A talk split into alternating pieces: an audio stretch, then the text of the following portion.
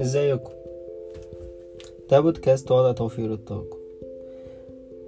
مع الوقت بتكتشف انك بتضيع طاقتك في حاجات ملهاش لازمة بدون ما تحس. ده بودكاست عادي جدا لا يتبع أي منهجية محددة. كل فترة هنتكلم عن حاجة بتستنفذ طاقتنا من غير ما نحس. ونحاول نتجنبها قدر الإمكان وحاجات تانية. من أحسن ساعات وده بودكاست وضع توفير الطاقة.